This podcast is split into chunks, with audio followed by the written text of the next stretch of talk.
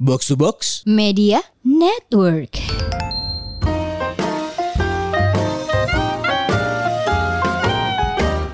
HRD Bandung.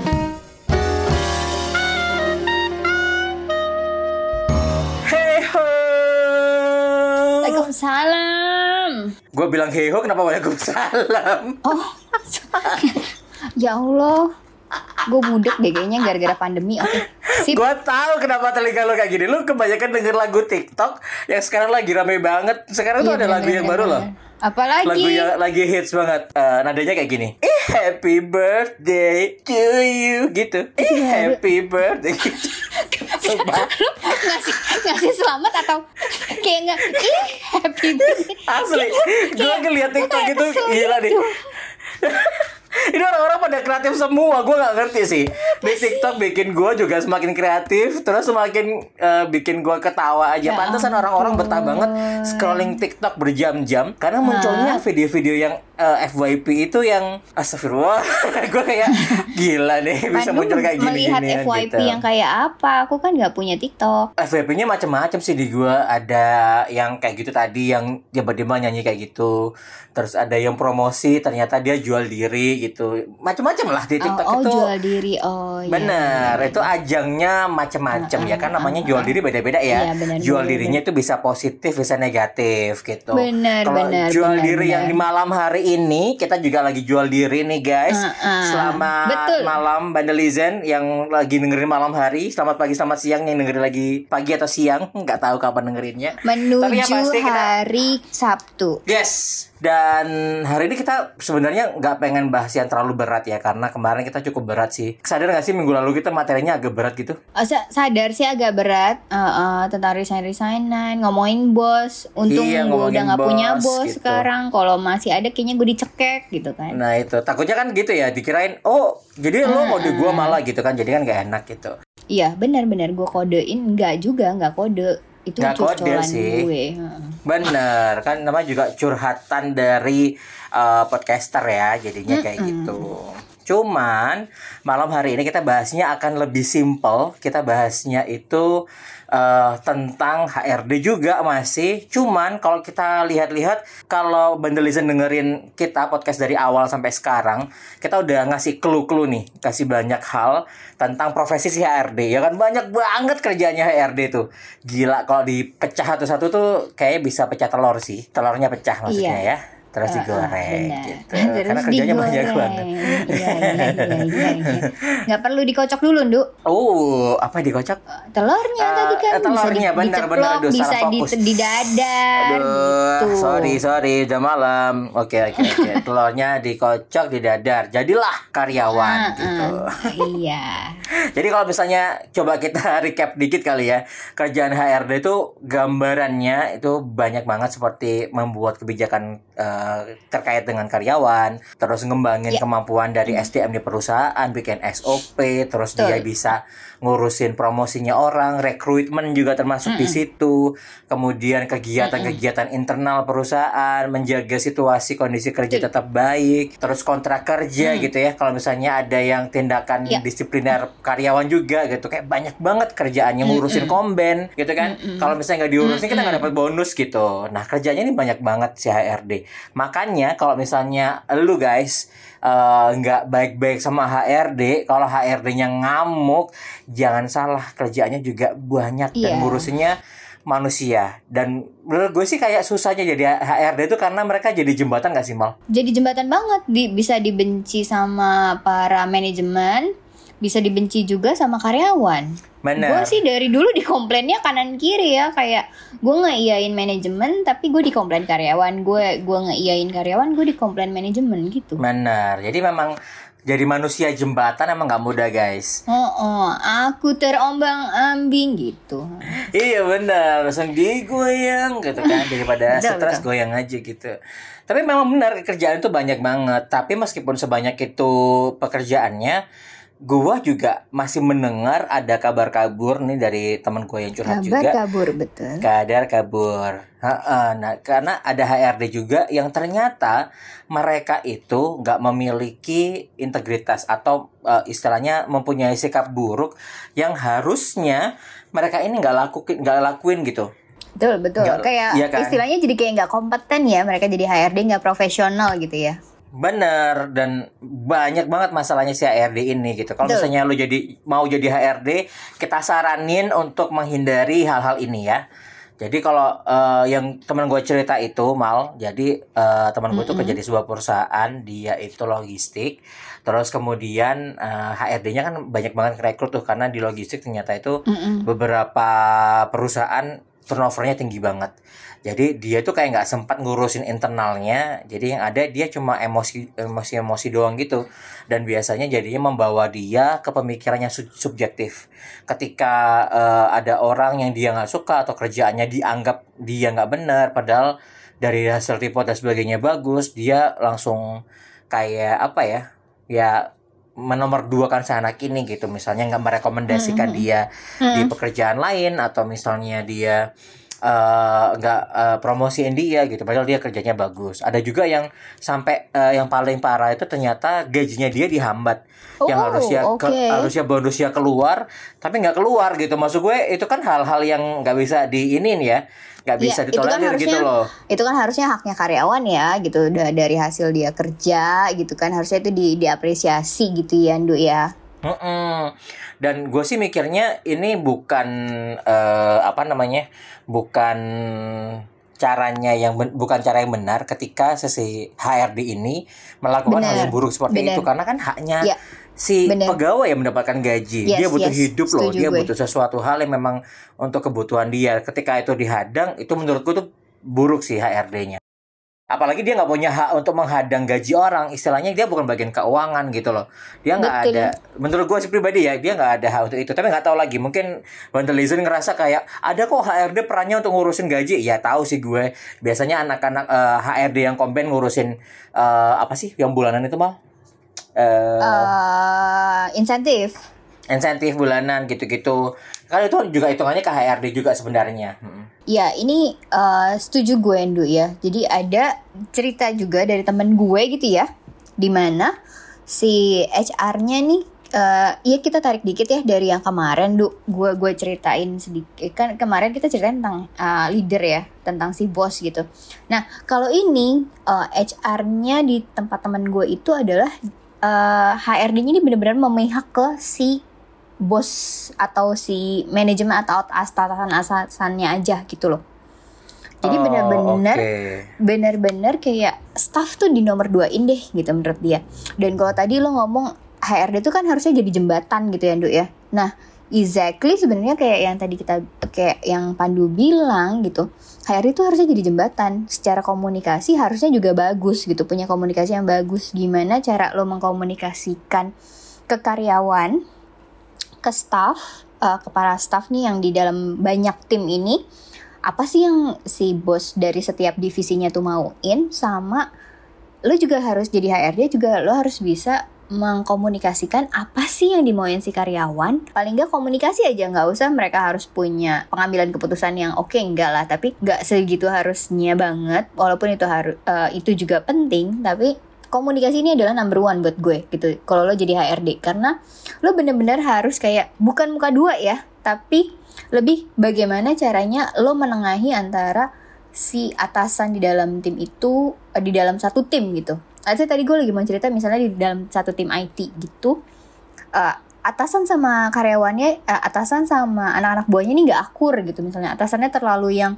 dominasi, cuma nyuruh-nyuruh doang, nyuruh nyuruh karyawannya kerja dari Senin sampai Minggu dari pagi sampai malam sampai pagi lagi gitu. Itu kan bukan bukan leader yang bagus ya Ndu ya? Gitu ya. Emang sih eh, kerjaannya jadi selesai semua semua target-target kerjanya dapat tapi kan ya lu nggak punya empati banget jadi jadi atasan gitu kan. Lu nggak punya hati banget jadi jadi atasan untuk eh, nyuruh bawahan lo tuh kayak setiap hari gitu. Walaupun mungkin ya lo jadi bos juga gila kerja. Tapi lo kan nggak bisa menyamaratakan anak buah lo juga harus gila kerja gitu kan gitu.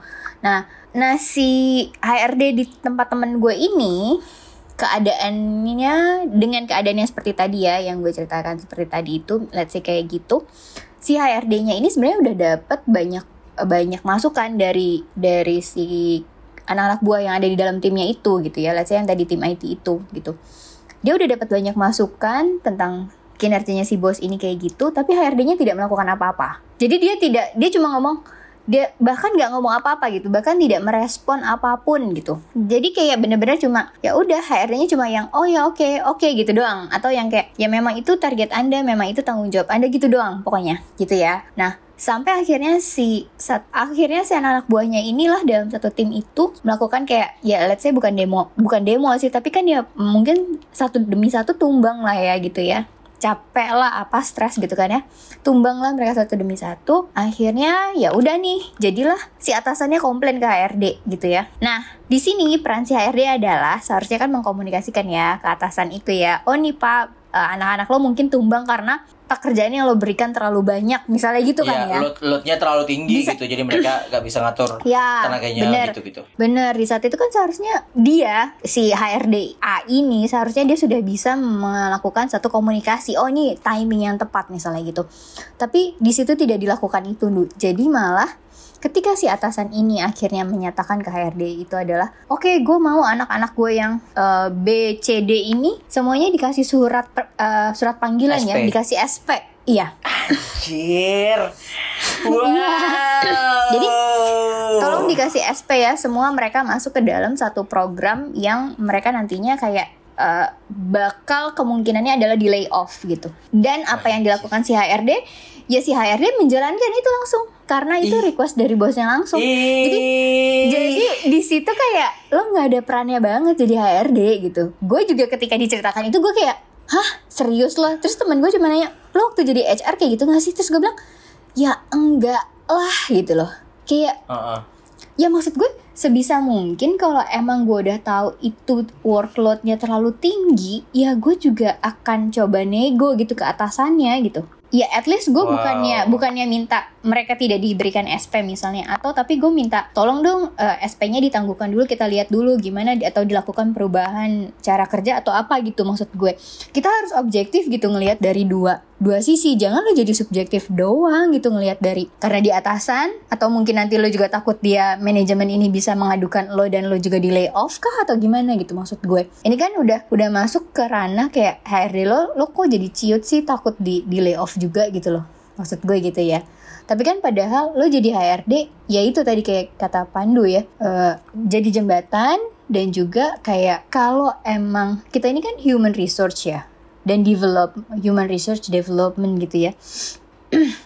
Ya seharusnya kita bisa melakukan satu si sumber kita jadi jadi tempat wadah untuk tahu gitu oh ini eh, keadaannya dan menurut gue HR tuh sekarang juga lebih jauh ya jangkauannya kayak jadi lebih ngelihat bisnis gitu ini kalau karyawan nggak ada juga siapa yang mau jalanin bisnis gitu loh ya kan gue juga harus tahu dong karyawan gue tuh ya udah karyawan gue nih sekarang ya aset gue masa gue harus harus nyari lagi sih dengan susah payah gitu sih misalnya Mungkin dia gitu memang sih. ingin eh, melatih kekuatan otaknya dan ke melatih kekuatan kepercayaan dirinya, dia bisa merekrut banyak eh, Oh, iya, iya, pegawai iya, bisa lainnya jadi juga, gitu. bisa. Jadi mereka Bisa dia jadi mungkin juga. lagi ini menempa diri untuk mengangkat skillnya dan eh, lagi mengetes Benar, perusahaan benar, benar, seberapa mampu untuk mengeluarkan biaya hiring gitu ya. Emosi gue. bener Gila bener nih, bener eh, bener bener Gue udah cerita lo Ini Esra agak berangsak ya Emang Iya. orangnya ya Berangsak Iya, banget gue ngerasanya Asli gitu. Cuma ya itu ya maksud gue si HR ini benar-benar nggak melihat dari sisi bisnis sama sekali gitu juga. Kalau lo tadi Heeh. kita tadi gue bilang juga sebenarnya kalau sel- selain merekrut itu butuh biaya, sebenarnya kan lo nge off orang juga butuh biaya kan? Benar. Gitu. Dan karyawan kalau karyawan yang udah lama terus dia kita paksa resign kayaknya mereka akan resisten gitu. Gue nggak mau resign mendingan lo lay off gue. Gue udah tahu gue akan di lay off mendingan gue di lay off gue dapet duit ya kan?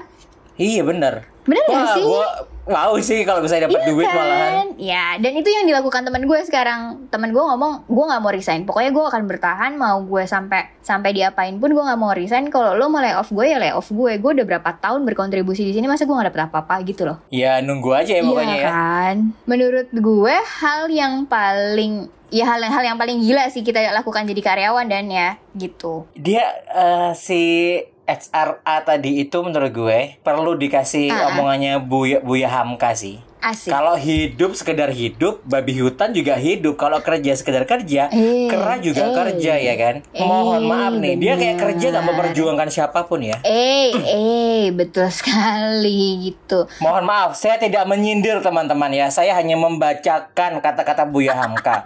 Kalau tersindir, mohon maaf nih. Gue juga emosi Iya, dengan bener. ceritanya malah. Emosi sih gue kalau waktu itu teman gue ya gue bersyukur gitu ya teman-teman gue yang emang kerja di HRD yang gue kenal gitu mereka tidak tidak berperan seperti itu. Jadi kalau ada teman gue yang kayak gitu kayaknya juga gue pengen gue sikat gitu sih dulu ya. Gue pengen gue Sikat miring. sikat miring gitu kan ya. Maksud gue apa-apaan lo gitu ke, ke karyawan? Karena to be honest ya kalau gue ya gue akan berkaca ke diri gue sendiri. Gue juga karyawan gila gitu kan ya. Jadi ya gue pasti nggak akan mau digituin. Jadi ya gue akan mencoba memperjuangkan atau paling nggak kalau emang gue nggak berhasil gue udah ada usaha untuk me- melakukan negosiasi gitu loh sama Bener, memperjuangkan apa sih Ah, kelihatan ah, gitu iya, loh. karena- Eh, Mal, gue jadi penasaran. Apa jangan-jangan si SR ini dulu pernah mengalami hal yang sama, eh, kayak teman lo yang lakuin. Ah. Akhirnya dia kayak mengcopy hal itu karena dia gitu ya, gitu, Bener. gitu. Karena secara psikologi seseorang itu melakukan sesuatu berdasarkan pengalaman dia kan.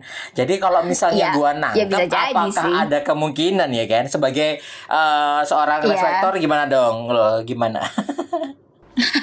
ya, ya bisa jadi juga ya. Maksud gue ya bisa jadi juga dia dia dia pernah kayak gitu. Tapi kan itu let's say katakan itu kayak traumatik sendiri ya gitu ya. Cuma maksud gue gimana ya? Gue walaupun gue mungkin ya kayak ya kayak misalnya kayak kayak yang gue ceritain aja kemarin yang kayak kejadian gue di di yang di episode sebelumnya kalau ada yang udah dengerin kisah gue.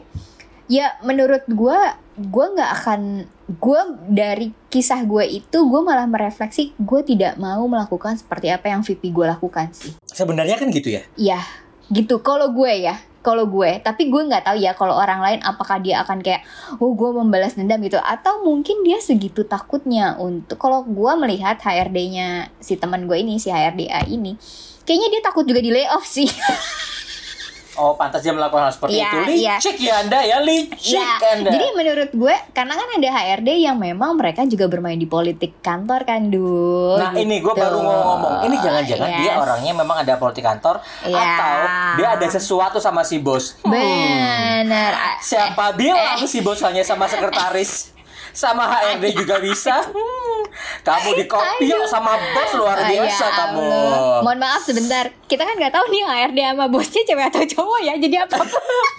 Oh nggak apa-apa Kan sekarang sudah rananya bebas ya Maksud iya, gue benar, benar, Ya itu sebebas Iya, itu iya, gitu iya, Gue iya. sih nggak peduli Lo mau laki mau perempuan Kalau lo bertindaknya benar, nggak benar. objektif sebagai HRD Tetap salah menurut gue betul, betul, betul. Jadi kalau menurut gue balik lagi sih kita ya gue jadi HRD walaupun gue tahu eh, pasti HRD mau nggak masuk mau nggak mau akan akan terlibat dalam politik kantor gitu. Tapi menempatkan diri adalah hal yang utama gitu gitu. Karena gue as a HRD gue udah harus tahu job desk gue apa. Gue adalah sebagai services untuk karyawan juga gitu kan. Karyawan ya semuanya karyawan gitu. Ya manajemen itu juga kan karyawan. Mereka bukan Tuhan gitu kan. Iya bener gitu manajemen tuh kan karyawan gitu. Dan dan yang ada di bawah juga karyawan gitu. Jadi gue harus menempatkan ya udah gue ada di tengah-tengah. Kuncinya sih itu sih menurut gue. Jadi dan eh, apalagi kalau kayak tadi ya si eh, HRD-nya ini juga kesalahan keduanya adalah dia cuma ngeliat atau dia su- subjektif banget sama penilaian dari atasannya gitu kan. Dia tidak melakukan satu yang objektif. Misalnya Du katakan si atasannya ini ngomong oh tuh si B tuh banyak gini gini gini ya gitu ya komplain gitu ya. Tapi emang si B dikasih workloadnya gila-gilaan katakan gitu. Dan si HRD ini dia tidak melihat track record history misalnya prestasi-prestasi sebelumnya. Gitu karena kalau gue kalau gue menjadi eh, gue waktu itu pernah ada di HRD walaupun gue cuma rekrutmen tapi kan gue memang tidak melakukan ada di development ya saat itu tapi gue jadi rekrutmen aja nih. Kadang-kadang suka dikomplain gitu sama katakan eh, user gue mau kok si ini sekarang gini-gini ya kerjanya? Gitu. Sekarang gitu ya.